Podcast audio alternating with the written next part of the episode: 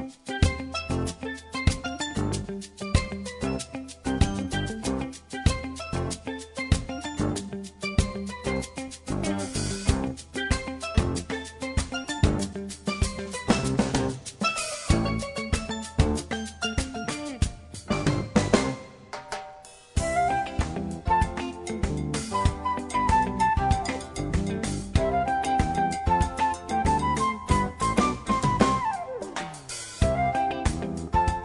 Velkommen til sendingsna av Belgelongt. Jeg heter Katrin Dagbjørstøtter.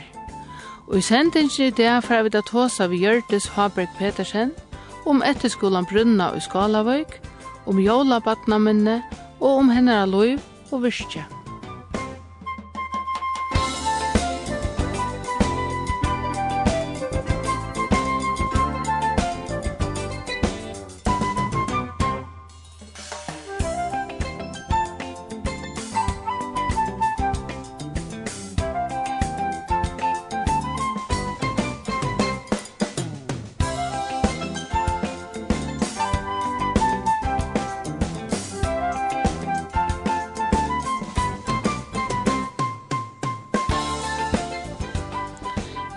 i studiet har vi finnet Gjørtes Haberg Pettersen. Og jeg husker vi tar så om til dømes eh, Brunna. Ja. Etterskolen Brunna, som tid. Etterskolen Bryggven, som heter. Eh, hva er tanken at han finner sånn etterskola? Ja, altså, nå hadde vi et, eller her har vi et så fantastiske fasiliteter i Skalavik. Og Bygningen åpna i, i mai og i 2011.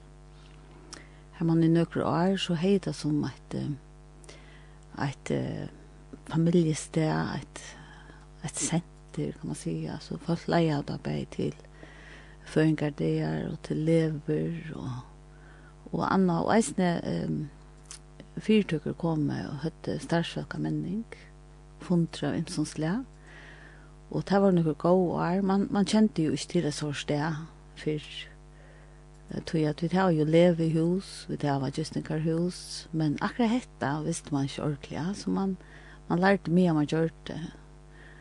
Så vi tar aller første vi, altså årsøkken til at Eplen ble bygter, vi er jo til at uh, pappa min, Eile Jakobsen, var i oppvoksen i Skalavik, kom her som fem år gammel, og, og han og og mamma hadde alltid yngsta gjørst okkur godt fyrir Skalavik.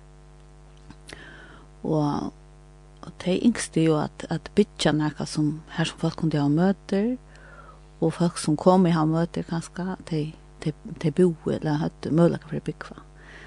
Så, så det første var jo at en sel og en uibo.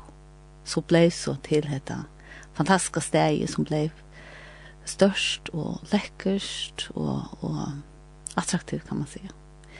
Ehm um, vi blir av i kameror och mäter høll och och sel och en filmverkhöll och ett um, ett høll her som det har konferenser och. Men att han har noen år ehm att vi tøtte det som som deplen i Skalavik. Så så er det kan det være torsførst jeg får rakstro, ja. Så vi valgte at uh, bjåa Smyrlein at teka uh, det til hotell, tog Smyrlein i tås om og gjennom tog, at det er yngste at leia, eller færa bytja faktisk, uh, hotell, eller hus, Kyssingerhus. Så vi sette hun samband for deg, og ta ble så til en kontrakt, en leiekontrakt. Og tog kjenner vi det så som Hotell Skalavik som var en stor suksess eisne, her som ganske, ikke minst føringer eisne, virkelig tok steg til seg. Ja, altså jeg halte det at vi, vi delte noen, eller vi hotellet noen, og delte noen, begynte mer av lov å komme og uskala for ikke hele tiden Det er jo et jeg prekk om at at det løser seg at, at stående og skjedde også stående, og så snart, og Og jeg skulle til døms, til jo eisen i trav i tar tankene som papetøyen og mammatøyen høtte rundt om hva det innehalt debelen skulle de hava. Det var jo annet enn et hotell, så det skulle være nækka til glede for nek og så er det. Ja, det er yngst det at, at det skulle være til sikning for bygdene, for øtene, og for folk hele tiden. ikke. Og det er alltid er at, altså det er virker som var til første årene, det hei ein parst av tog, helt sikkert, tog at det var et ordentlig godt arbeid gjørst, og det var nekv som, som ble siknet i, og eisen opplevd sandøytene som kanskje ikke var så, her ikke så nekv eh, tilpå av sandøytene, um, og i forhold til at, at, at kysta, og at, at oppleva på i mist, det var eisen ek møter helt inn, og, og lever og sånt Uh, men det som så hendte vi, at det ble hotell Skalavik, um, til Rønns Løgna Smirlein har vi jo et nedverk som er større enn en, ein og tvær personer kan hava. Ja. Så at uh, det ble eisen ek flere folk som slapp å oppleva samtidene uh, flere enn annars. Og at han har det er jo en, en kjipan gjørt her som du kan bøyle ikke plass om på testene. Så det er uh, nok så ringt til en av fyrtøk som smirlein at få nekva turister eller flere folk og så er det stranda i gomdratt eller skåpen til det slapp ikke testene. Ja, nu var det kjøtt annet lov, hva man kan køre i mittlen. Ja, nu må man gjøre det, det er så man, man kan släppa cykeltestan. Nå er det körande. Jo, og her er det nekv lov i, i skolan, og nå kjør høyde til dømes Jål av Brunne, fortell oss om det. Ja, det var fantastisk, altså, tog jeg at at han har smyrlen, så sier uh, leis at man har oppa, så, så får man også hva så, eller at det var jo tog tilgangene, tog at Um, Smirlein har jo et flott hotell i havn nå, uh, Hot Brantan. Um, og det var i Bitching.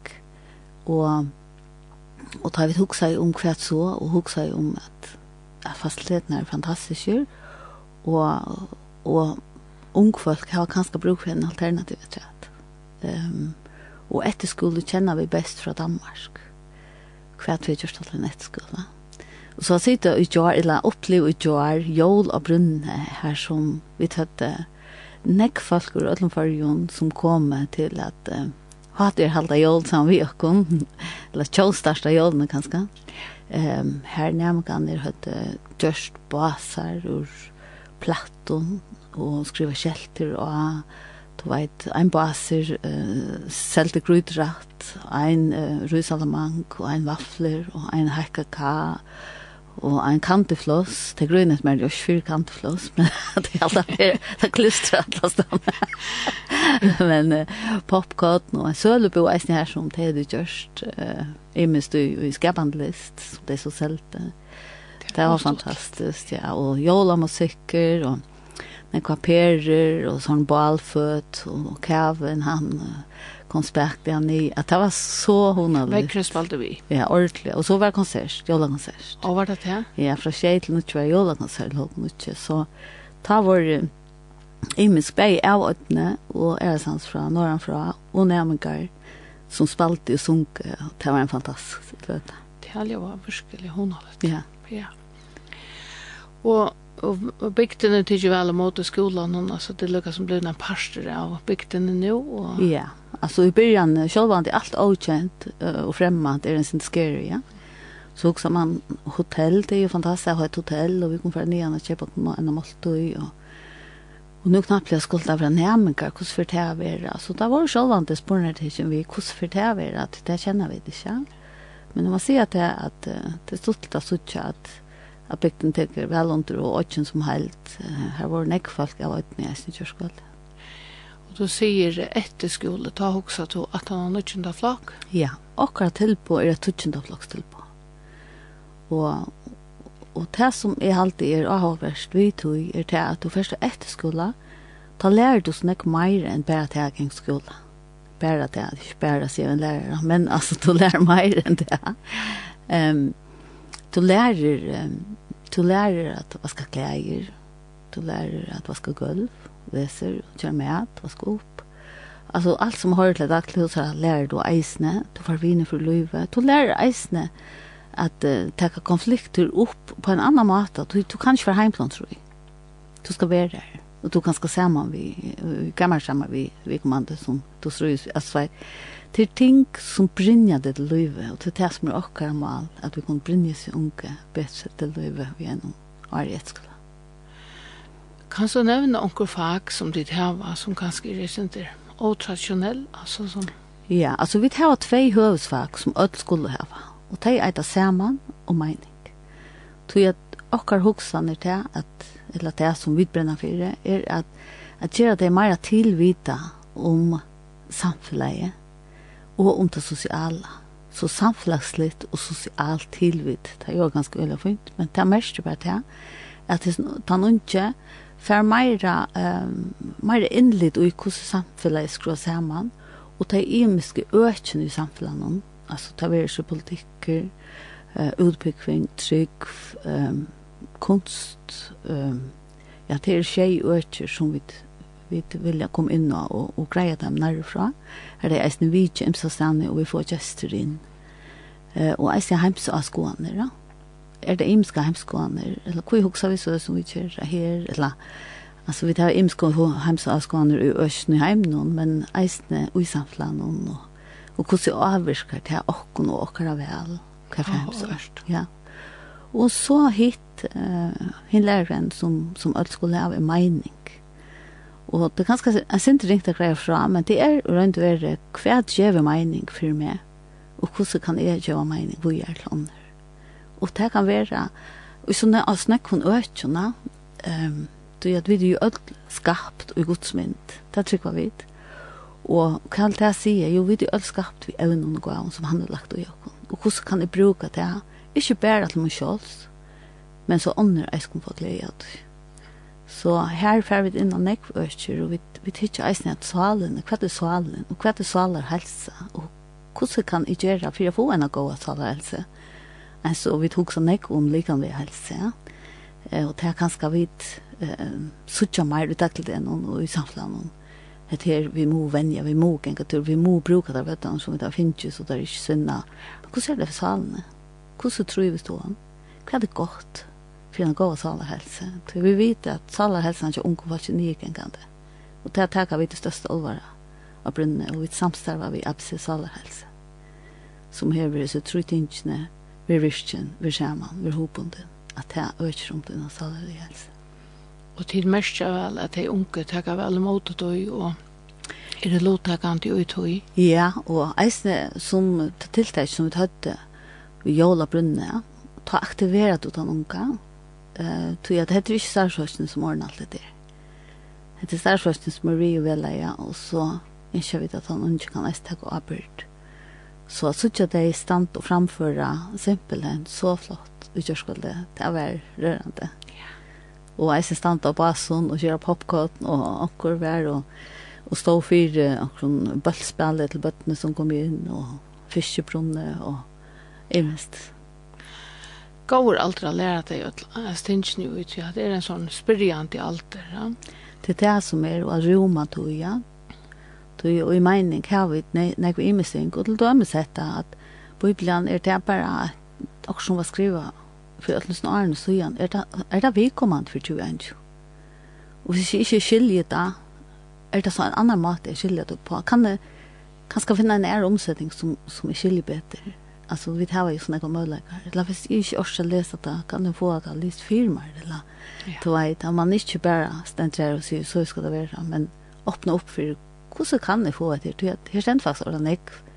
Nek vi lös vi stormar oj här på som kan hjälpa mig utan till den isne om det är ju ändå. Jeg husker eisne om til at eh, til vel jo ha med å komme at oss om å sette seg med all lengt frem i tøyene. Det er jo en utrolig det er godt ting å få folk å sette seg noe mal. Ja, helt sikkert. Og fra i fjør det var så vidt jeg har haft to års inne og, og greit ifra om å sette seg mal. Og det er så, det er så sånn tøytning at han ikke ser det. At det er ikke bare til ribøker. At vi sitter en person som har gjort noe av hesten og økken. Her du forteller om, og jeg spurte det, jeg skulle fortelle om det du svemt løsjer og og hvordan hendte det? Han tyckte det har ganske nekvas reymar, og det sutja nekva TikTok, og Instagram, og alt det der, og, og, og ganske mye samme åte, tog at det sutja bare, wow, det klara, men hvordan kom det her til? Og det er akkur som akkara, hjertemal, at det skulle møte verden menneskjon, som greier dem fra, hvordan, hvordan gjør, og hva skal til, og hva krevst? Og jeg har huksa syndrom om eisen til, så er det jo Arne, altså, vi vil jo ha at tingene skulle være så løtt som mulig, da. Men jeg tror ikke at god kattler jo til et godt liv, ikke til et latt liv. Og det er en vesentlig måneder. Det er det. Ja, så vi har haft, vi har haft, um, da har jeg haft uh, folk inne i Futsjarheimen, at greia dem fra, uh, hvordan, hvordan, um, kjører vi penger, hva er pengene er, og Da jeg får få løn, altså det er ikke om da jeg får penger fra mamma og pappa, da jeg får løn, så får jeg akkurat til skatt, akkurat til helsetryg, akkurat sted. Altså, alle forskjellige kjøltene som får jeg av, hva merker det? Hvordan er det vi så etter? Ja. Og jeg er så ikke alt, og hvordan... Hvis jeg så en dag skal kjøpe meg bil og skal låne banken, hva krever banken? Og så, hun setter det opp, det var simpelthen så godt, hun setter det ordentlig opp, Etla hvis, hvis jeg skal gifta, så skal jeg ta lån til det, og vi skal ta lån til hva koster det da? Hva koster det å leie til høle? Hva koster å bruke til høle? Altså, jeg, bare for å gjøre det mer tilvita om verden som vi lever i, eller hvordan. Og vi har haft eisne leierne av resten er inne og tås om kriminal uh, forsørgene og hvordan alt det fungerer, og arresten, og hva det må arrest og fangsle, og hvordan gjør man i imenskonstøvån, og det er noen spørsmål og Virkelig, Ja. spennende å se det. Ja, ordentlig spennende. Så det er akkurat som dere høves um, lærerne, eller det som alle skulle ha, og som fleste timer i vikene, er altså seks timer sammen hver vike, og seks timer mening. Det er nekv, ja. ja. Men det er jo også nekv sammen. Så spør jeg hva er det? Hver er folk? Starsfolk er uh, som arbeider i skolen nå? Ja, vi er en uh, 13 starsfolk alt i alt som er tenkt av skolen nå. Og vi tava i skoleleieren, som er Erika Niklasen, at hun tar kom, men hun er blevet gift etter første året i skolen. Så det var et hentikere år, kan man säga. Ja. Hun er nå Erika Vinter. Hun kjører et fantastisk og godt arbeid. Utrolig og donalig ung kvinne, opprunalig og klagsvik. Og hon er så her for det meste, til at det er jo bare heim og skole uh, for. Og så har vi den samskiperen, Anita Hausen, uh, Asjan Sula Donali, og en kokk som er ur Frankrike, franskan kokk. Det er jo spennende. Ja, det er, uh, for å få utrolig å med, det er med er en, en uh, tøtninger med sin parster, av løvnen, og ikke minst til de unge. Uh, og så har vi lærere, og vi tar store syskjen, Og det er nok det som det i Danmark kallar for uh, ung medhjelpa, eller givet av medhjelpa, eller også. Og den dår, og det er her for trivnein, særlig. Det er også eisen vakter. Um, og onkla stora syskjen, det er også onkla oppgave, jeg tror, at så som at takk seg av husen altså husavvurding og, og vasking. Uh, Daniel og jeg er så her nekka, at hun er eisne. Men uh, en fantastisk stærskokoper. Det gjør et utrolig godt arbeid, alt sommer. Og man kommer jo så tatt. Så man får kjent om troja. Man er her nek fra tøyne, og til så vakter. Kjema som går i reisene her, man hever vakt, og tror alltid onker.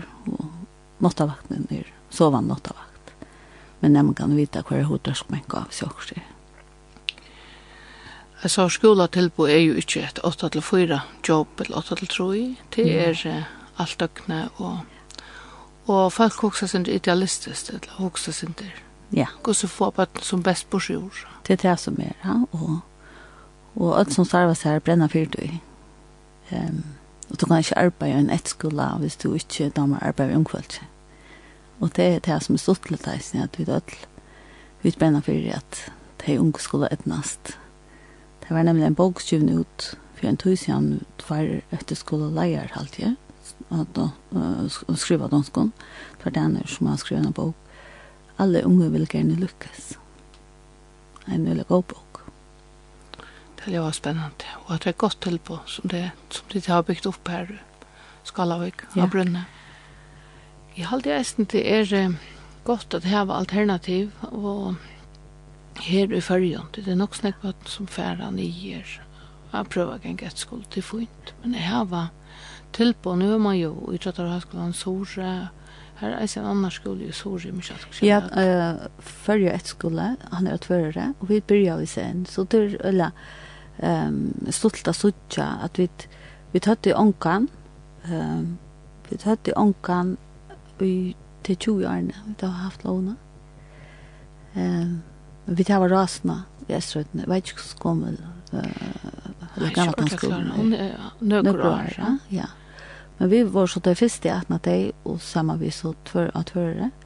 Og til vi jo avhåverst til at man så kontakter um, efterskolens forening i Danmark. Det er jo, altså, Sjön Grundtvig hade korsaskullar, efterskullar. Alltså, det har varit tons överfäringar. Ja? Eh, men det var ikke før til enden av det første skolen til åkken, at vi var samband med deg, og det er jo simpelthen så fint, og, og, og, og hjelpsom, og de har jo en av del som arbeider for Jesus, og en av del vi har så alt det. Alt er så størst. Ja, men uh, vi kan hente erfaringer, og, og inspiration fra dem nästan men det var så å høre at att det så at att det första året det hadde vi gjort väl. Jeg halte nå tog jo på å høre et le. Ja. Hva er det?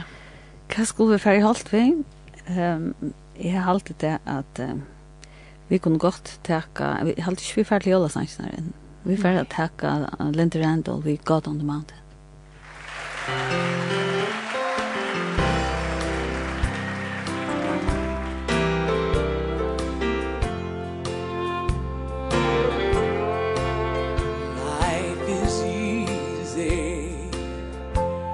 when you're up on the mountain and you've got peace of mind like you never known. But things change when you're down in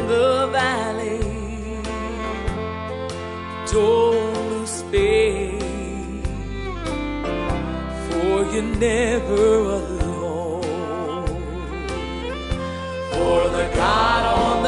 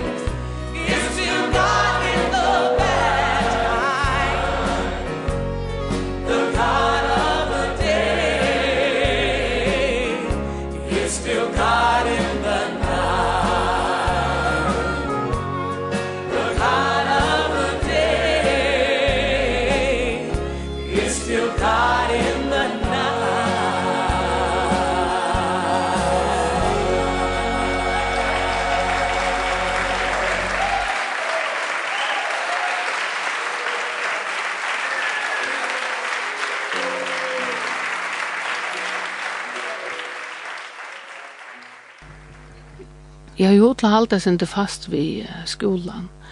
Eh, gosse nek nekv nærmig kontakta til det motor? Ja, jeg pleier å si at fjøret er ikke problem. Så at vi tar jo 23 kømer, altså det er som hotellkømer, ja. Um, vi beiver seg. Og, og det er um, tvei, uh, altså aller helst tvei av hver kamer, men tror er helst ikke en trådpleie, ja. Så at uh, så det er vi kunne godt vekse nok som jeg. Ja. Og, og du nevnte jeg synes om et eller Atlanta flock. Hette ja. her er uh, faktisk det. Ja, hette er et tutchen av flock till på. Uh, men det som vi tog så om uh, og arbeider vi i løtene, det er at att et ett Atlanta flock till på at rett. Det vil si at uh, du kan ha vært uh, lever vi nødgjenda, og så er så ganske ferdig ut et, et arbeid og er lagt. Og så kan du komme inn til dere og tenke at eller kanskje du ikke klarer, vet ikke ordentlig hva men du kan jo huske der, eller som at bonasmart er etterskoleår, det sier alle granskinger i Danmark, at etterskoleår djever så ølenig og i boningaprosessen, ja. Uh, og jeg vet eisen om at uh, anker skolelærer som sier at vi, uh, vi heiter ikke, eller vi sier ikke okkar nevngar til helseforarbeidet i min alma. Det er ikke et år, enten et skola for et arbeid, det er også anna, og det er til bunna som og så er det ganske klarere til affæra min nama. Men for det er du ikke tusen ta ganske, for du kunne jo ta lars noen andre ting, altså at åren du verst, vi er, ta hand i etten til, er et, et upplagt tenk affæra, tog jeg tar først og så mer arbeid, vi trener til mer i eisen ut en leislig noen. Eh, og, og, og så det som person, at du blir lika som sterskare. Og eisen er færa, nå ferdig vi et um, namsfer, og fjør skulle vi jo namsfer eisen, men det er sånnast da vi kom, det var til Sorier, etter på grunn av korona, så, så vi får her, og hadde noen super det her, så det. Eh, smått noen vei. Eh, men hesfer så ferdig vi så til Danmark her. Og vi hugsa vi ett lilla flotje, möjligheter ett långt upp, vi det bara ena vecka väck. Men ger en lång tur här du skulle kan för in i ett hjälpararbete utomlands. Att vi skulle hjälpa till och ta arbete för något ting och lära något ting. Så det är det som är tanken att han för att för här ett ett lilla flotje. Og hvis man kunne huske seg å melde til, hvordan er vi tilmelding? Er det et avvist tøyerskai, eller? annet? Ja, altså vi tar å åpne tilmeldingene til tøyeste flokk i kommende år, så det er bare for inn inne hjemmesina brukfinn.fo. Og så stender om omskola her først som er å vite, eisne med henne for som er det. Og så kan jeg inn og melde til. Om nå, det er en, en avbjørn, fortsatt avbjørn, det koster jo for være eskola. Ja så er det mulig ikke å kontakte dere. Det er det folk som har hava ett hjärta för skolan och som har ju til nærmere grunn til å si at du ikke alt kan minke näka om du har törva dig. Du kan du forklare, eller kvän komma nærmere som er det fra en bestemt der i året eller det lukket som? Nei, jeg vil si at altså, det var så dejligt at det første året um, som var i fjør, at vi begynte, ta var ombo ur öllun, eller ta vår nemkar ur öllun ökjön börj. För mig personlig var det här fantastiskt. Då man är ju brent för som skulle någon och man är att det är ju för ötl och allt det där. Att det kom bäger, Sjorötne, Sandötne, Vavon och Norrötjön. Och Grottonlands, ett lag och så. Nej, det var um, onkur som förenkar utsättar. Alltså som bygger åt hans. Ja. Och det är ju upplagt alltså visst det kanske också hör som är någon som bor utomlands. Men kom till huxa så här som 15-16 år gammal att jag finns ett år hemma i Färjön och kontaktar vi om och eller sista bötterna. Så är det upplagt att lära uh, förrest uh, dags för det som inte bygger i Danmark. Um, jag kommer ett år till Skalavik. Och hur är det vikskiftet? Någon för att det är hemma vikskiftet? Någon eller? Ja, at de færre heim uh, til fleste vikskiftene, de er uh, cirka tre kvar vike, eller tre kvars vikskift av skolen. Og du kvar kvars. Det første er den sinne mer av skolen. Nu så hørte vi til Johanne at um, det kan skal en fire måneder til tunnelen kom, men uh, nu tar det er ikke lengt heimann fra, det er ganske en sånne tanke at du ikke slipper heim, uh, beina vei hvis du lunch deg sinter, et yeah. också at du erst her, så. Ja, att det hever är ju såna vill man du skal alltid bata. Det er en center också. Ehm tog at att så ska du bestemt du sport alt det där. Men men det er eisne tant tant og vel at att det är bara att du ska og bara om kort hos nämligen om du gjør skall där for heim, till at om du skulle ha alt vi gjør skall så slapp du hemma från 23 för skåporna. Mm Det vil si at man satt og pratet i og fikk en kaffemåned så att og alt det där. Akkurat som det sosiale har vi mer avmarska eh, om du ikke skulle prata. Ja. Så man kan ska eisen lycka nämna det att ta, ta nu har jag provat han låna. Um, allt som er hent, så gjør vi börja och till det att at, lån är brøtt, så att nærmere så åkken kunne få uh, SSL-korst. Det vil si at de nå har et korst og kunne ferast til og fra og kjøps, annars skulle de betale fullt nevnt alt, altså det som de uh, betaler for buss og bad, så det kom til å være sin dusj der man så fyrir så ofte hjemme. Så det er ut utrolig glad for at han lovende kom i kjøkkenen, og det har finnet jo kors i posten og ute. Mm. Det har jo gått til at loven hei helt greit sånne mangler ta, men helt å få han i jøkkenen og så røyna forbedra han etter hånden. Det er det som er, det er vi så er jeg gøyden noen og, og arbeider vitt, så så gjør vi noen ting som ganske kunne være gjøre seg. Det er spennende arbeid. Kunne du nevnt noen annan som har vært inne i for å prate med nærmere om imisk ting, altså? Ja, vi har haft, um, vi har haft på Lorena, tykker vi. Så vi kanskje huksa mest om i politikken. Men han er jo fysioterapeut, så han kom inn at uh, undervisa nevnkaner og i tøtningen av rørsle. Um, og om at du er tilvitt av om sin egen kropp. Det var utrolig godt. Um, og det var nemlig i fashion mining. Jeg vet at han han er nok bokkar til å komme inn i, i sammen, nesten, jeg tog seg synder om politisk kjøpene. Å oh, ja. Så vi har eisen haft omkring inni at oss, omkring helsesist inni at oss om svøvn, og mat og rørsle. Um, vi har eisen haft Rena Bakka, som er inni at oss om integritet i arbeidsløvn, og fortalt om, om myrkje. Og det er alltid er utrolig godt her som nærmengene eisen for høve, jeg ser alle alle spurningar som de heva. At det kommer tattar på folk som, som uh, lever etter hetta løyve som vi det var og i imeskon økjen samtlan og, og sleppa spyrjen til hva som vi har som, hva som vi har som eisne få input. Så det vi vilja gjerne brinja det unge til løyve Ja, det er jo avgjør som er godt tilbå Jeg halde jeg vi færre iver og i at oss om badna jålen i kjøtt her og badna minner så har du ganske sang til det som vi kunne lort etter Ja Ja, det er hukse om jólene. Mamma er alltid vært så helt utrolig jólelig. Ta hukse om Jim, Jim Reeves til demes. Han hever omkring gåan sang som før meg etter i, i Matala, her som er oppvoksen. Jingle Bells, ganske. Jingle-ling-a-ling.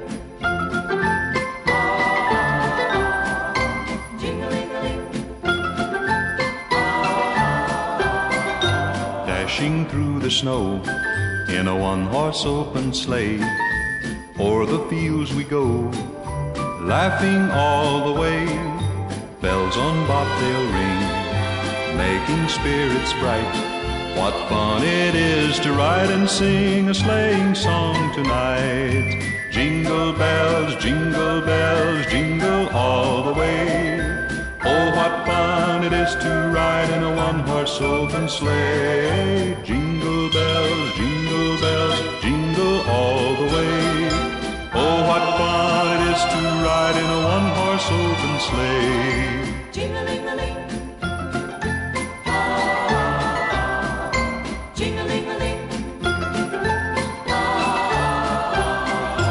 Now the ground is white So go it while you're young.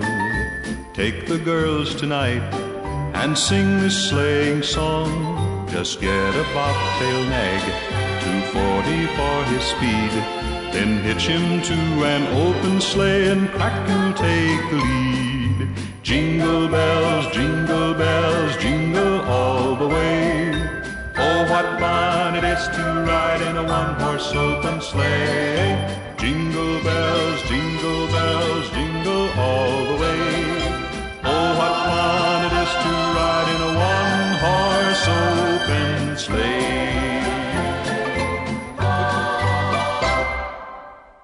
så får jeg spørre deg, jeg Sinter, om uh, hva du minnes at det fra jolen om, da du var smakjenta. Jo, jeg har utrolig enn jeg kom inn fra jolen om, til at mamma er alltid vært så øyelig jolelig. En dame er ikke det mørke til når man elsker jolene. Og hun er alltid kjent øyelig høyt og byta, og familien som helt, altså. Jeg vet ikke om det var sjokk for pappa å komme inn i familien, at det er også ikke vidt her og lykke jolelig som jeg skilte til at her, pappa var oppvoksen og det var så øyelig, øyelig fataksligt. Um, jeg tror jeg noen Um, men som jeg skilte i ånden, så, så var det ikke så jåla litt som, som det så var i familien ikke mamma. Men det var pinta og ljós og og det var kalender og pakkakalender og bæka og kjømmerspan og jólatónleikur, altså, tror alltid var nek tónleikur heima tjokken. Um, og minnist, jeg minnist vel at uh, vi platte alltid 22, så bæka jeg en smakak sammen vi okk, altså bøttene, og, og vi tar mindreist, vi sitter og stålen og knæ og bæka, eh, se her figurene, og, og det var alltid å stått litt. Og det var 22, og det var jola helser og dørsmån bakgrunnen, Og tror jeg ikke så gjør det utmerkbart. Og da ble Jola tre pint eisene. Ja. Så, og så har vi et eisene vært, nek vi nå vera i, i, i sjånvarspresentingen. Sækars hammer? Ja. Det var en Sjånvars ble allmett, ja. Og pappa var Jola med over. Så det var opptøkker gjør der, altså, heima tjokken, ute av fløten, og hon bor omkring skipet her pappa, altså vet ikke det var Grunborg, eller hvor er bare noe til vær. Og minst jeg sin hjemme til åkken, så ble alt omkallet til henne sjåvars, showers. Kollus i Jeg stolen. Jag hade varit två jolla men vi kände att oss samt tema var det inte. Jo, det kan gott. Jolla med det. Jolla med det. Ja. Så tabla ju ikke, altså, alt som mamma kom på i gang, på nøkt på i, så det var virkelig stort litt, og ja, packar og passa jolletre og alt. Ja, det er nekk godt å minnes. Og mamma har alltid haft, uh, som jeg minnes fra badene av, ungene av, um, bæg kår og, og, og tryer, og jeg og vinkene har sunket eisene, og da sunket til eisene jolafest vi bneser, det var eisene. Ja, nekk, nekk godt å minnes det. Og nu er vi så søsnabøten, og jeg minnes det jolafråkastene som søskjeden i høtte, Og det var jola aftan. Ja. Og midt om dagen. Ja, og midt i jola aftan skiftes syskni om at Bjóheim. Og så hadde, jeg vet ikke om jeg hadde gjort vi, var det det? Jeg halte det var, altså han som heier det er nok mest, men ja. man heier ganske også vi, og det var veldig spår som er minnest. Veldig spår, og mitt i jola aftan. Ja, og jula mer var reisende, ja. Ja, altså, altså. Så ikke, ikke løy at om han aktiver eller noe som er forsinket. Ikke storsker. Man åt ikke en glad dutch om kveldet. Han ringte og takket for galen her. Det var skjedd døvren. Det har vært ikke så, men vi, vi har haft nekva tradisjon, familietradisjoner, i så måte at vi var eisen tja mamma tja, jeg kom på Ja, Anna Jolek. Anna Jolek kveld. Ja. Det var så hun har vett, og så platt ut en færre spasertur, og man har regn. Tinkanes och ja. ja. Han har arbetat Tinkanes. Han var så sövfrågor, han visste så näck. Ja, ja, han visste näck om söve och hans några söver som han i visste om det var helt så som var så spännande som han fortalt i om. ja. Så läcker mäter och, och så hon har detta var samman Ja. Ja, jag har alltid vet att vi är där familjekar. Och så hej om att Arjola träffar förut. Ja, så öll öll om jag på dansa jag så. Ja. Så det och katten på såt. Ja, det var också helt särskilt sanger som Ta kom uh, skolesangren fram. Ja. Ta kom papptudelsen rätt och ja. här var näck näck vers och jag sanns nu. Slett for låren, lät. Jag vet inte om det är ordentliga år som jag minns. jo, vi har haft det läsboken till det. Ja, ja. ja hon tog på katt, katt og mamma og så det. Det var det. Han var virkelig vi på det, og vi lærte jo kunne ødel uten at. Ja, ja, ja. Vi kjenker høyt oppe ute. Ja. Så var det en venne, venne neilegaren. Ja. Så fint, så fint som seilegaren. Ja. Katt som vil bukke, katt som vil neie, katt som skal vende seg om. Vende seg om. Katt som bom. Så er stynk vi ødel, altså det var ikke hvordan jeg sagt. Vi var så ranig, va? Og, og det var, når det var omlai av nødkjørnen, et eller Jeg vet ikke om du er bare et år nå kjør, eller bare et halvt år. Ja, bare et år. Og så har jeg, så hadde jeg oppe, og jeg kom på kjørst en sang til kvønn av åkken, eisne. Ja. Ja. Det var, ja, det var en sanker her som verset heit var personer, og i kvart verset heit var personer. Jeg har et pura sjål, altså. Jeg har alltid vært det. Det er du eisne. Men, men vi blir så nekva trådene at jeg vet ikke om alle finke hver så ut, men det er mer gusser at sjå.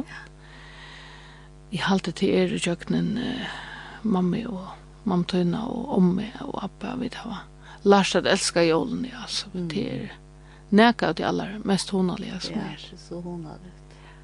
Det er fantastiskt och vi är samman som familj. Ett annat som jag minnes från jula afton som vi platt i kärra, det var att vi tog till dörra uh, upp till och Vattala.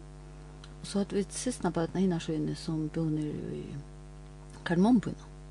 Hur ska jag inte? Rackne och. Ja, Rackne och Samal, pappa på tjej. Och så platt vi ett av rysalamang sen där. Så vi sväcker var gott och spacerade om allt det. Det var så rädda, stort lite och hyggelig. Det var nok helt særlig leisende. Ja. Så minnes de ene før.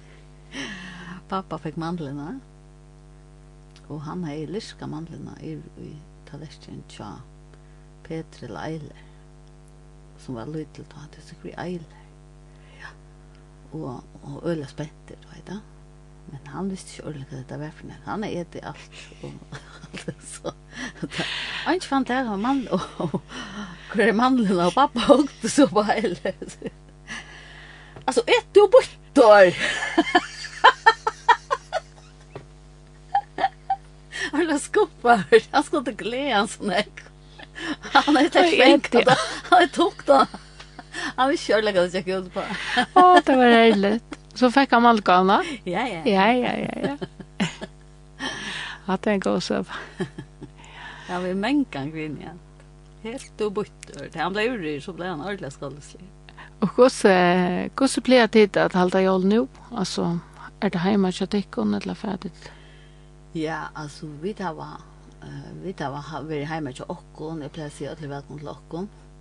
Eh så jeg pleier alltid göra og morgenmat i pannekakken på laftan.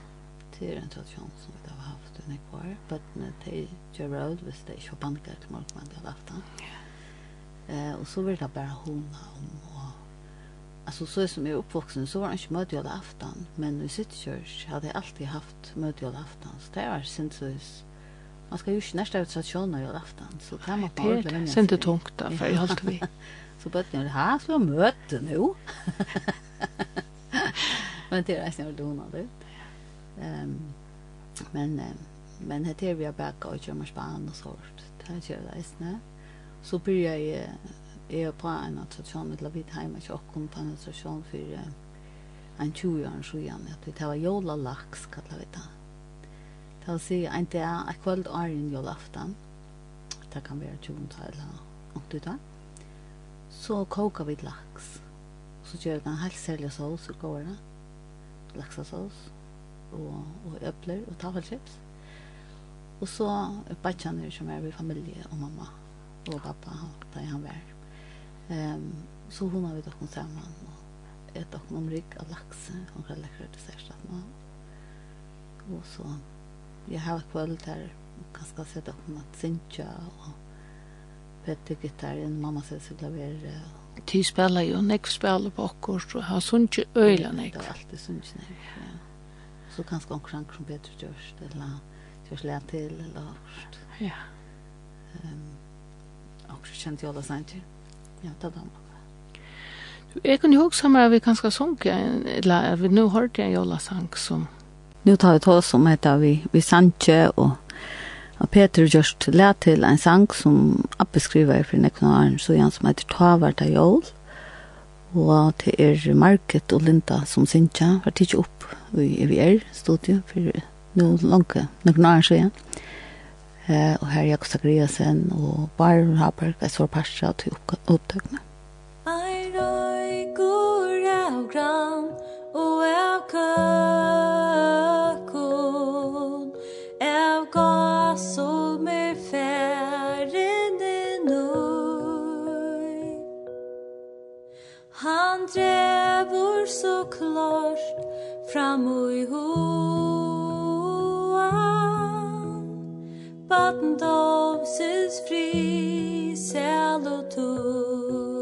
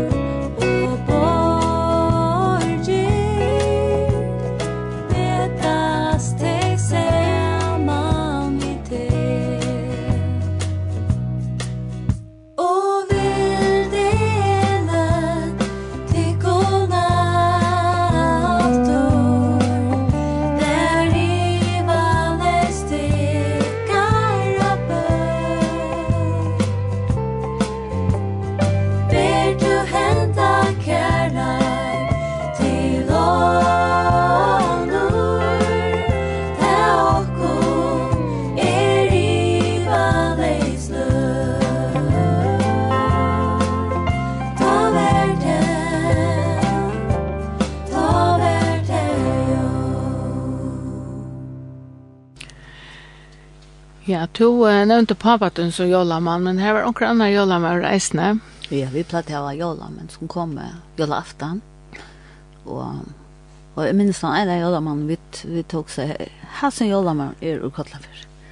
Tøy at uh, han sa at vi tøtte plater her, jolaplater, og så det er suttja til lorset Charlie Pride, ja. ja, mamma, du nu er skrattna. ja. Det var en sluttlig jolamör. Men det minns en av reisene at vi tøtte en jolamör ut til ommet der vi var her, og han sier jolamör, tror jeg. Og ta var uisak til okkon Lutla, han er fortsatt å gjøre det. Det er, han er ved en tvei eller så ut. Og det var Peter Batje som jolamör. Og han var jo tveit, jolaklær og alt det der. Og så sier jolamör, en som heter Uisak er, eller Uisak, jeg vet ikke om han er fyrir at han kan være, men... Og Isak fyrir så ut til han, hikker på han, så sier han, hei Peter. altså, egene. Altså, det var bare egene, ja. Ja. Det var en snakkskeg. Vi tilte nemlig jól i Sverige en affær, og ta var Bjørst og seks år, og så rett, så, og de hadde ordentlig oppstilling ved jólamann, og ta heila alt da, så teskar han til å må inn at det er ikke en ordentlig julemorgen, det er lastig til kjetje. Åh, ja. Det er ikke en ekte. Så det var fake. Ja. Men eh, det er vi gleder kun alle juler nå, eisne. Ja. Ja. Mamma, du var alt så kjøtt å sette seg til klaveret, men det er vi så tjom. Ja. Og så sunk vi til ødel, og ja. jeg kom på ødel til å velge spille, og nekta å spille gitar, ja. og så videre. Ja. Og i år fer vi så til Englandshallet i ødel til sonen og sverdestrøm blir hver ivre. Så og vi tar svære ivre til et halvt år. Så vi fer. Og du skal være amma kjøtt. Ja, fantastisk. Vi fer på. Det er, så ble det ikke som det pleier, men det var en uh, helsik, en jól som de fra minnast. Ja, helsik, vi tar vi tar helt i jól i England der vi bor i Vresne, halvt et tverfer. Og så er det en helt jól i Australien. Det er noe helt annet. Ja, fortell om det. Ja, vi bor jo i Australien 55-56, og vi får i ivrig arbeid i Youth Mission. Så ta jolene kommer i ivrig, ta er jo hasommer. Heit og alt. Ja. Så det er flere her ivrig som alle jola og strontene. Selv om det her var I'm dreaming of a white Christmas i bakgrunnen. det er synd det, what? Ja, Men det er sin løye at uh, henge jolapyr opp i bekansol. Og det er ikke blei våla myst og kallt. Men det var, det var stolt eisne. Vi tøtte en, um, en garasje i husen som vi så gjorde om til en sort jola uh, rom her som vi så bjåa og uh, sånne som kanskje ikke høyte nekkjans affæra, Ja, altså, til vi arbeider i så Mission, så det kommer nekva innsats hans fra. Så det folk skal ikke hjem, alle jól, så bjør vi dem hjem til åkken. Så det var stått litt, og det er faktisk det eneste for at jeg har koka rekka sjolv, til det ble det om alt jeg gjør, at hun, hun koka det sjolv, annars kjøper jeg alltid i gløs, eller er spannen. Men uh, det var et sermest år til jeg kjørt det sjolv, jeg måtte gjøre akkur som var ordentlig, så som vi platt i hava hjemme. Og det er dunne, og... Ja, vi åt faktisk gås. Det var en som var ur Australien um, som får alltså länkan vi för att leta ett gås. Det vi vill gärna ha gås. Så jo, jo, vi åt gås. Ja. Och det är väl det sen till. Särligt, jag har särligt hittat någon att att halda jola, yeah. man kommer kanskje ikke akkurat ut han jola stemningen som vi tar her. Ja? Nei, det er ikke akkurat det samme. Det er et særlig minne fra ta. Vi var jo ute som tropåere. Ja? eh, så vidt jeg hadde ikke så nek, altså, nek penger om hente, ja. Og så var det en granne i kjøkken som benket på, og som arbeidde i en kyrkje, her som til platte at seta et størst jålatsre opp i shoppingcenter, og så hadde de eh, selar som hinket i Østentrænen, og her var, her stod bare av dronker seks år, eller jenta fyra år, eller du vet, nek, nekk sånn sjeler ringer Og så folk som, som var ferdig i byen og yngste at glede omkring jorden, tok så en sånn seil av, og får og kjøpte en gave, og lette han altså inn eh, her, og, i som legtes for eller her som det heter jolatreie være. Så det kom benka på at og hun spurte om vi var ok, vi, om Isak og Rebecca, som tar vår 6 og 8 år, vår pers av hessen. Så vi tusen takk av henne. Det er søtt jo, da vi så kom av pakken henne, så er det fra tikkene for eldre. Så at det, altså, det var helt fantastisk. Det fikk en trutja gaver hver fra hesten, og, og alltså ein var stor det det öppna backarna i minsta då isa en rättla stora flickfara som man kunde se och att var man tröst jag och så en sån eh lastbil och flotta gaver. Ordla flotta gaver alltså som det var fullständigt överraskade att få så flotta. En god touch. Helt otroligt. Jag har pratat hos av omkring förrjun att det var stått att görs det så året jolatträ och sms eller om sig vi upplagt eller omkring handla. Allt det är så gott. Ja. Du så kan så djeva nek konkret. Du som som är färdig att köpa Og ganske hava, ikke så nek som det skulle kjøpe til, men hun godt hoksa seg glett akkurat, man vet jo ordelig hva henne. At det så kunne tenke seg en sele, og her det bare stenter, og så kjent at tror jeg, ok, så ferdig jeg kjøpe det. Ja. Enn at dukke, eller whatever. Ja, du vet, her var akkurat her i fargen som, med det er så gavet, det vil si at du, Alvarene gav sjolv, och farsarna gav vi att de hade det ordentligt go go gerande som man sier, at det som du sier. ja ja Og det tykker vi nek folk väl att tömma vi vet til. jag håller det över ordentligt gott så det kan vara onkel som har tänkt ju ja hade vi till ja så det kommer vi her. ja Og hvordan var, hvordan lenge var det her siden du tve år? Nei, ett år. Ett år? Ja, vi var fra sommer til sommer, ja? eller fra august til juli.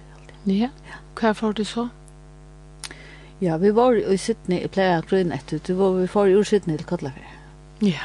ja. Vi bor i Hanna Gramaner, så får vi til Kotlafjær. Vi flott i atle førjar, vi tar arbeid nekv i misjon. Vi just for the mission, har vi vært nekv, nekv var. Her vi da bo i England, og i Danmark, og Kypern, og i Australien. Um, men da vi kom i atle førjar, så er det akkurat sånn, så vi skal da mest naturlig å være et. Men så tänkte vi, alltså, kvitt det är, alltså, alla är sen så ser det här, de har visat oss kanske färre. Kvitt är det Och så, vi tog til lantje, eller vi henne tog, uh, etter husen og i boen, hva kunne vi bekva, hva skulle vi færre, og vi var alle mulige stedene. Men så også er det eisen at vi færre oss nok sånn ikke rundt om i følgene. Det var nok sånn ikke veisen, da jeg taler en ekkel ungdomsmøter, og, og jeg var sin til kvinnearbeid, imsa stedene og sånt og foreldrene til Daniel bor i Kotlafyrre. Så det enda vi tog at vi, vi leier først en hus i Kotlafyrre. Uh, det er først i årene vi var her. Og så kjøpte vi den store bygning som vi så gjør det stand.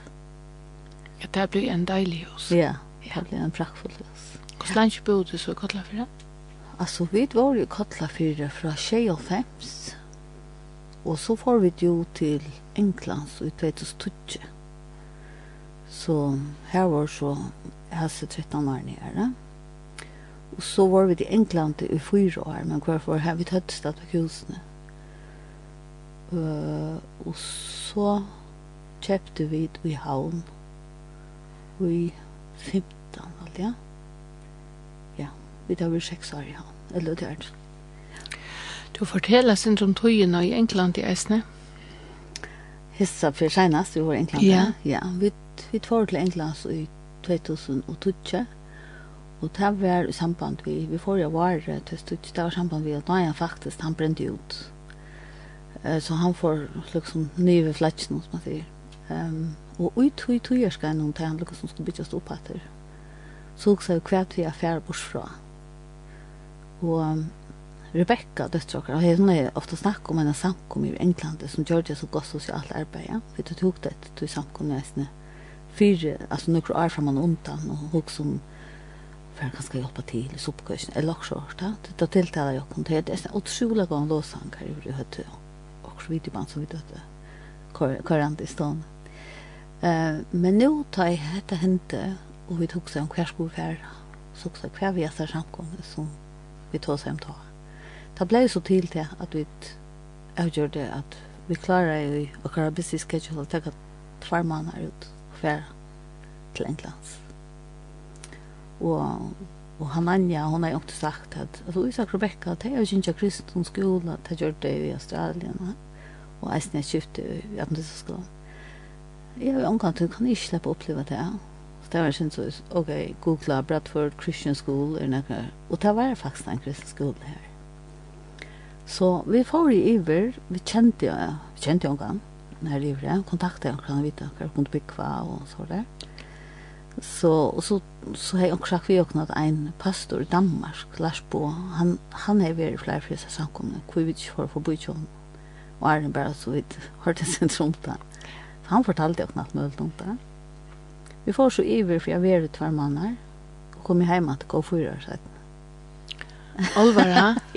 Kom slags heim i mittlen en gang? Altså, det var jo, vi kom, nästan. Ja, vi, vi får det av påsken i Tutsi. Og at nasa tvær måneder kom vi så heim at halda silbritt opp som vi tøtte. Nemlig, ja. Eh, er jo framme måndag. Og får så ivratter, og da får vi så ha skola tja her i Sankon, ja. Det er Leadership Academy. Uh, her, da jeg tok ett år, jeg tok tve år. Så, at det var fyra fantastiska. Ja. Jag plötsligt at vi hade inte kunnat göra det som vi hade gjort så vi kom hem att vi sydde kött vi. Tan samkom tan samkom gången nek ut på att geva och göra något nytt mindre centrum för eller ser det så såna färre ut. Ja, alltså de har et motto som är aim for the pain altså de de hittar hva det är på innan och på innan eller kvätt alltså det görs mig inte ha bare for vi skulle gå ner. Nei. Alltså, jag minns jag hörde en från om en som säger Alltså vi synkja hör som det stormar här ute. Här är det frifullt och stilt. Alltså ja. som om att det är Alltså, han menar inte något gott nog, jag syns nog, men alltså, låt dig bara ströjas där ute, du vet att det får inte här. Alltså, ta i det Ja. man huxar på ett hammatan, det är ju släkt mening. Nej. Den kristna bådskapen är ju affär ut. Akkurat. Så. Och i men människor så enkor Ja. Alltså, alltså. Ja. Så att, um, vi var her så i noen år og, og fikk noen drøvene eller så. Altså, jeg ble ankt å si, jeg følte akkurat som jeg hadde noe som breka i. Så jeg, det var ting som man helt var andalig. Men det var faktisk ikke andalig, det var faktisk noe som vi selv vet skapt. Ja. Så jeg skriver meg, blest du mer andalig, jeg var egentlig annet, nei, jeg ble mer menneskelig. Ja. Det var faktisk det som hendte med meg. Så så det som vi kom vi i bagasjen til å komme hjem etter, det var akkurat som vi ville gjøre noen, altså, vi ville, altså, det er så nett å si at og folk vil ikke høre, altså, altså hvor vil ikke høre, at du kan genka vi opprette om høtte, og du kan ha fri i salene, og du kan, altså, ha gode relasjoner, og Føler at de elsker igjen. Og føle at de elsker igjen, og, og virkjen, eller virkjmettan, og du vet det. Ja. Det må være akkurat ja, hvordan jeg ber det fram eller, altså, du vet, jeg må tåre å spyrre en til, altså, ja.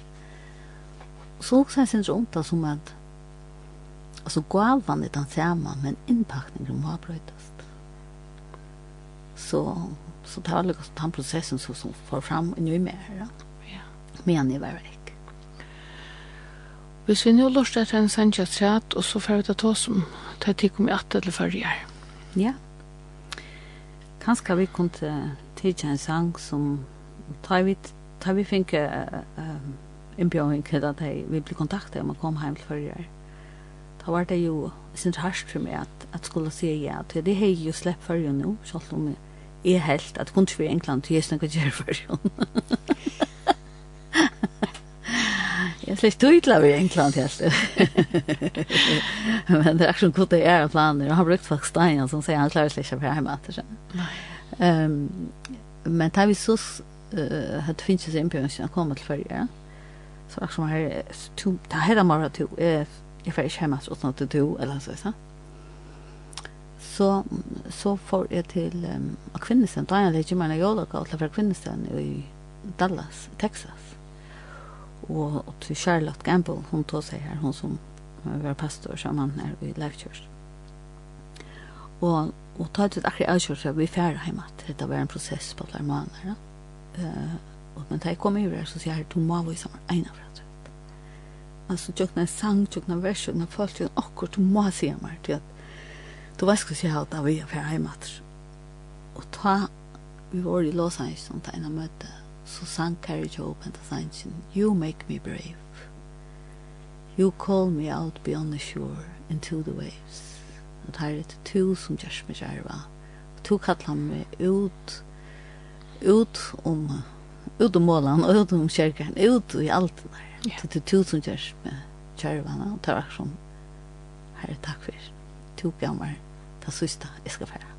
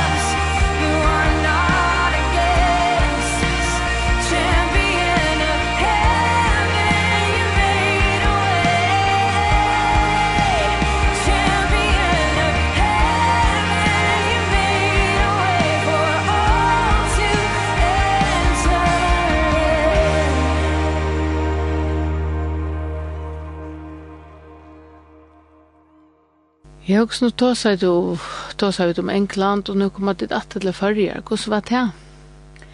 Jo, vi kom atter i 2014, og, og vi åkne bagasjen hadde vi en utrolig førning, følte jeg, eh, av lærdom og opplevelsen som vi hadde haft.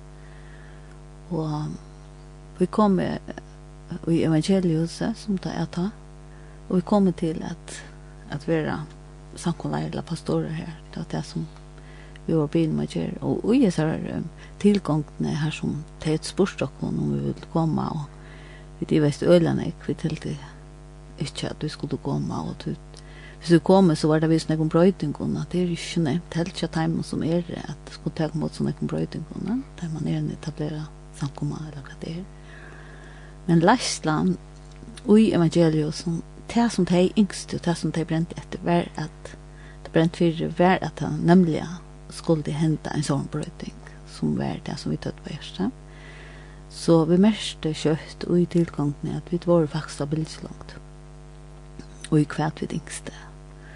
Så at uh, jeg minns det kom her, uh, den første dagen, og det er akkurat som, hos folkene var jo nekvar, og, og kvart kvar ska be kvar välkomna så alltså är det slash vana vi är knappt lema lejer är det eller så så det känns speciellt men det är helt fantastiskt som vi var väl mottagit og eisen teis med det er enn kvar altså jeg bakka åtsjulig vel opp om til det blir stora brøytingar som er hent der eh, og åtsjulig spennande brøytingar men fra at at uh, bare så som, som at selv om jeg også guler, det er han sikkert veldig nekvar og vi kom inn og, og Daniel um, han burde greie og særlig skal være svart. Hva gjør man? Han sier at at, eller, at han som var pastor i, i Life Church her i, i Bradford der vi kom med her stod jeg så skjelt om at samkomman skal være um, God-centered og people empowering stod jeg på det Så sier han, du husker ganske i sjåan til en godsendet. Han sier, ja, du kan salda til han, men prøv å litt stålande. Eller, prøv å kjøre akkurat vi, akkurat inne i rum, hvordan godsendet er vi. Altså, vi ble også tenkt at hvordan pleier vi det. Tradisjon. Ja. ja. Og så at uh, det var ikke ringt at, at løpet minnes noen skjev med oss, held og ta fra rykker, jeg vet ikke hva skal, du kan godt slappe ordentlig at vi tar, vi tar oppleva at det ikke ordentlig vel. Og grunden til at det er svarst, det er jo at hvis du senan er svarst, så sørst du ikke bedre hva gang fyrer seg. Du så er det akkurat som en deg bakgrunn eller så, ikke?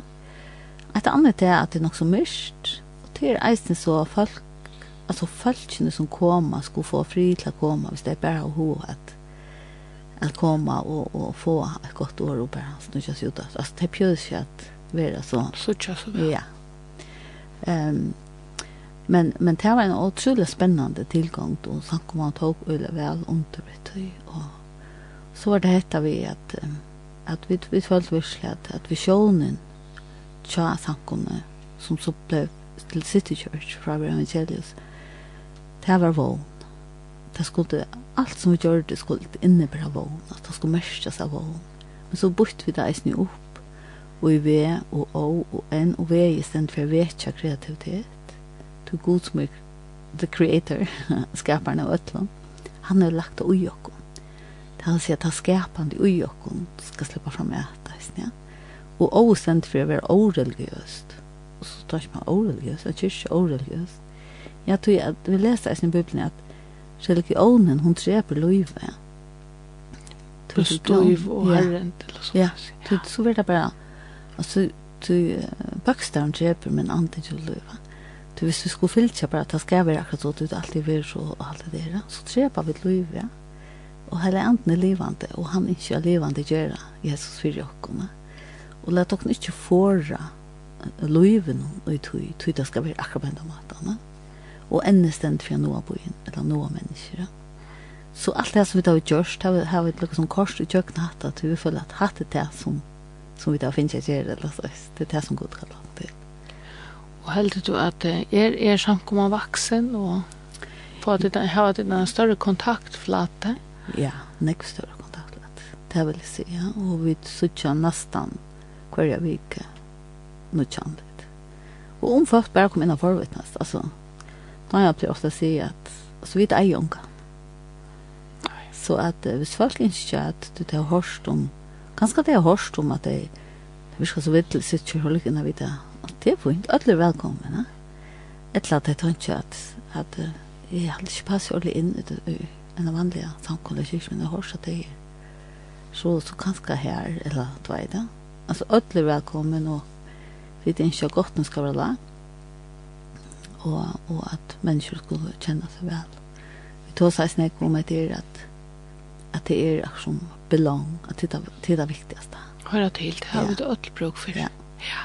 Og folk kjenner, de kjenner at de høyra til til de kommer inn. Så hvis du ikke kjenner at du kan høyra til, så er det ikke åpen for å lære. Så høyra til er det viktigaste. Og så utra tog kommer tryggvinna. Og så utra tog kan stå gjerast enn Jesus Kristi lærer. Ofte har vi sagt hvis det ikke ens kunne jeg sagt, man skal behave først, då. og så believe, og så belong, mulig. Det er sa. og det er det som religionen gjør. Ja. Men relationen hon sier, kom, og vi kommer jo, to hører til, belong, ja. så believe, og så ut fra to bekom, altså, så gjør du.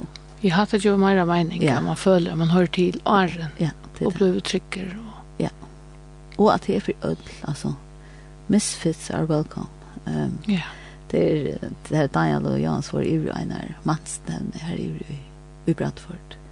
Ta tå sig en nämnde som ta sig om det här. Ja, misfits are welcome. Om hos god inte att han inkluderar oss öll. Han yeah. är favoritter. Jag ska också öll lukka han Ja. Och Så er det som du kallar for meknar kvinner. Nu har det alltid at vi båda kunne være samtal om at Omma var en mäknar kvinna. Oh, yes. Gjördes, som du eit etter, rätt Haberg. Og mamma att du reist en meknar kvinna. Og, og du sannlig jeg finnes det på sjö löven. Hva förbindet du vi meknar kvinner, kan så ses inte om. Ja, meknar kvinner, det var... Uh, det er liksom fött ut av oss ner at vi ofta halda så lite om oss själv. Och och kanske särliga kvinnor och kanske så som vi är uppvuxna ganska att att man man vi vet ju att kvinnan ska vara sån egna man i undskjuna. Det är inte kvinnor ska vara mannen i undskjuna. Det är bättre. Ja? Uh, men det har inte vi kvar till oss det gärna. Det er vi ankra funksjoner som god som god sätt inte stan og det var inte. Men men det er akkurat som spjärts ju till det är omskylder till och sånt där. Underdanig. Underdanig ja och och och hur helt det tog det vara och alla ser jantelåaktigt alltså du vet det Vi det är sin herre vi kvar. Ja, kvinnor. Ja, det är sant. Det er sant. Ja, ja. Det er akkurat som at jeg sa nei, nei, nei. Altså, vi må få en av båskapen ut at det er skapt til godsmynd. Så er det ikke noe omkilder til. Altså, det er faktisk at hova skapar. Ja. Det har å si at jeg ikke vil kjenne god og lagt noe med. Og jeg ikke å hjelpe til å virkjenne, og hjelpe til å eller at det. Altså, hvis jeg kan være en oppmuntring, en etjan, at, at at vi som kvinner, altså god skapt og som mekna kvinner, til han innskjer at vi skal gjøre mån her som vi der. Om det er og i min familie, og i min tjonarbante, og i min bøtten, og min arbeidsplass, uh, og i byen, her som vi bygger, altså whatever.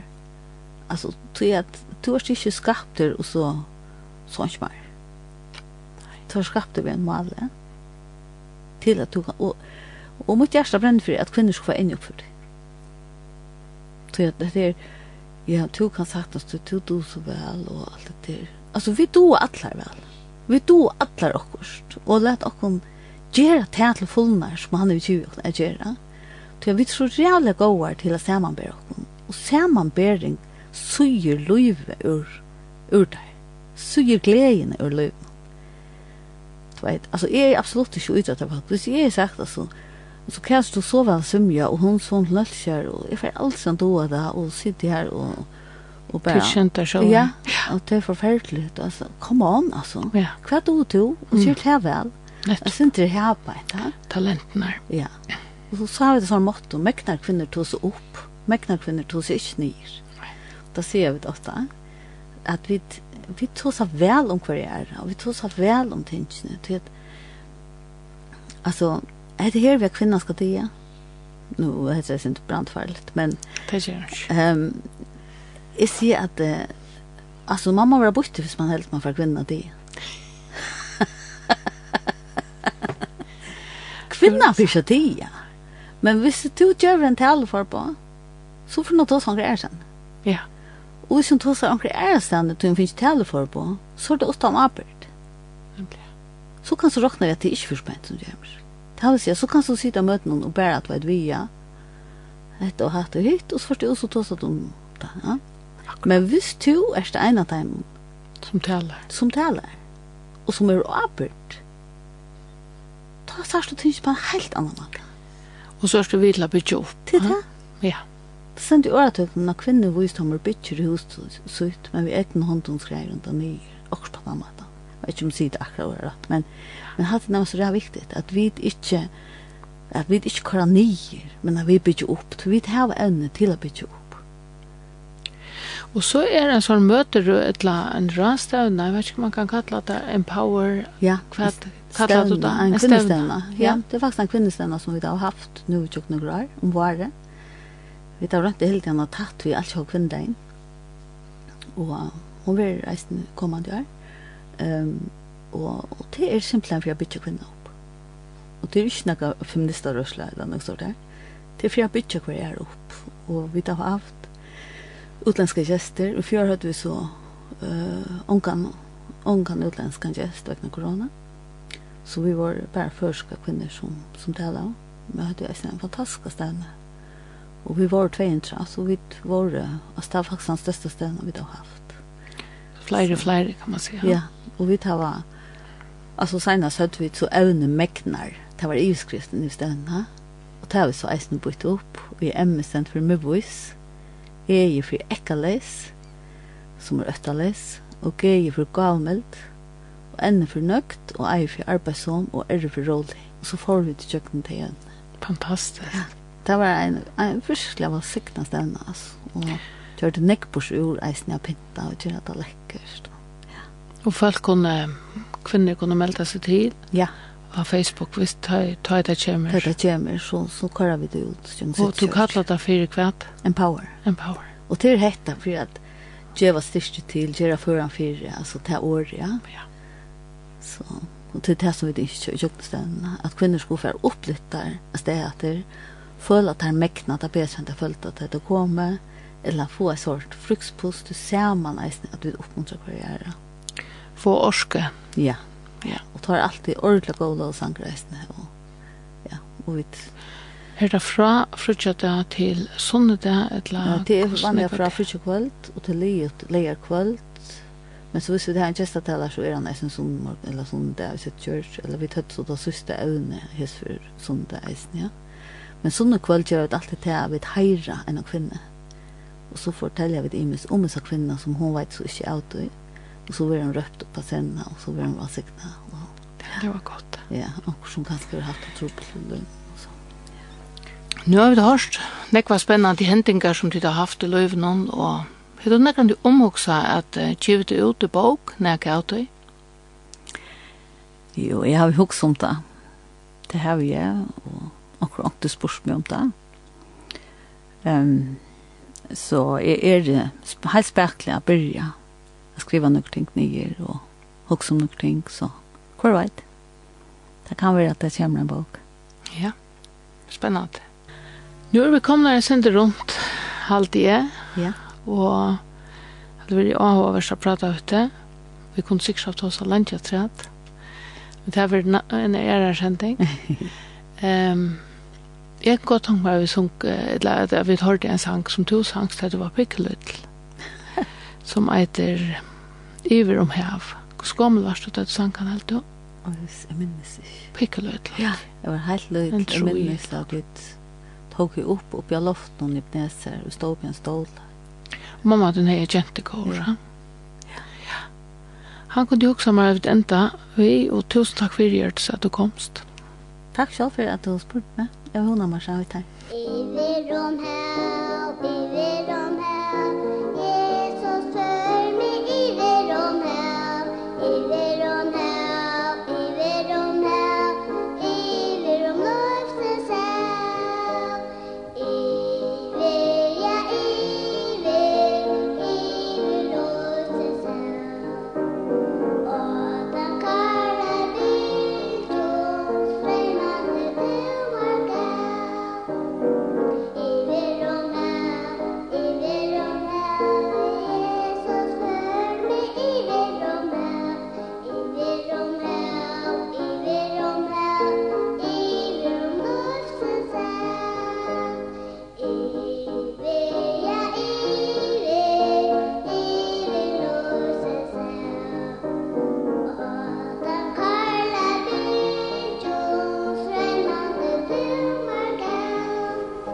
Vi hørte her gesten til åkken Gjørtes, Sintje Iver om hev, da hun var smagjenta. Hetta var et kår til Bente Haberg Jakobsen. Vi er nå kommet til endan av sendingen av Bilgelongt. Gjester i dag var Gjørtes Haberg Petersen, vi knøttene skjedd Jekvann Sone Danielsen, i eit Katrin Dagfjørstøtter. Takk for i dag.